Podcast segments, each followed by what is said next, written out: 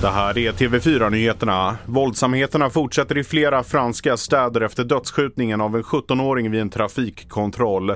Och under natten och gårdagen har över tusen personer gripits. Vi hör nyheternas Jennifer Patterson rapportera från södra Frankrike. Vi fick precis in siffror här från inrikesministeriet som sa att det var över 230 stycken byggnader runt om i landet som antingen har satts i brand eller vandaliserats. Och totalt har man sett över 2500 bränder av olika slag.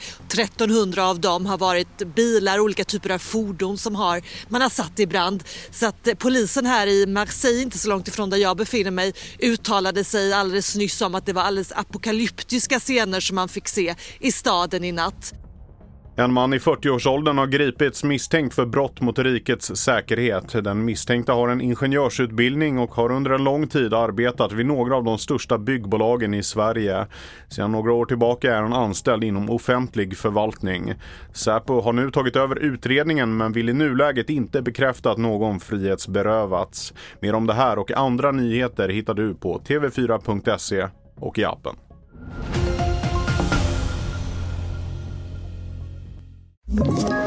Ett poddtips från Podplay.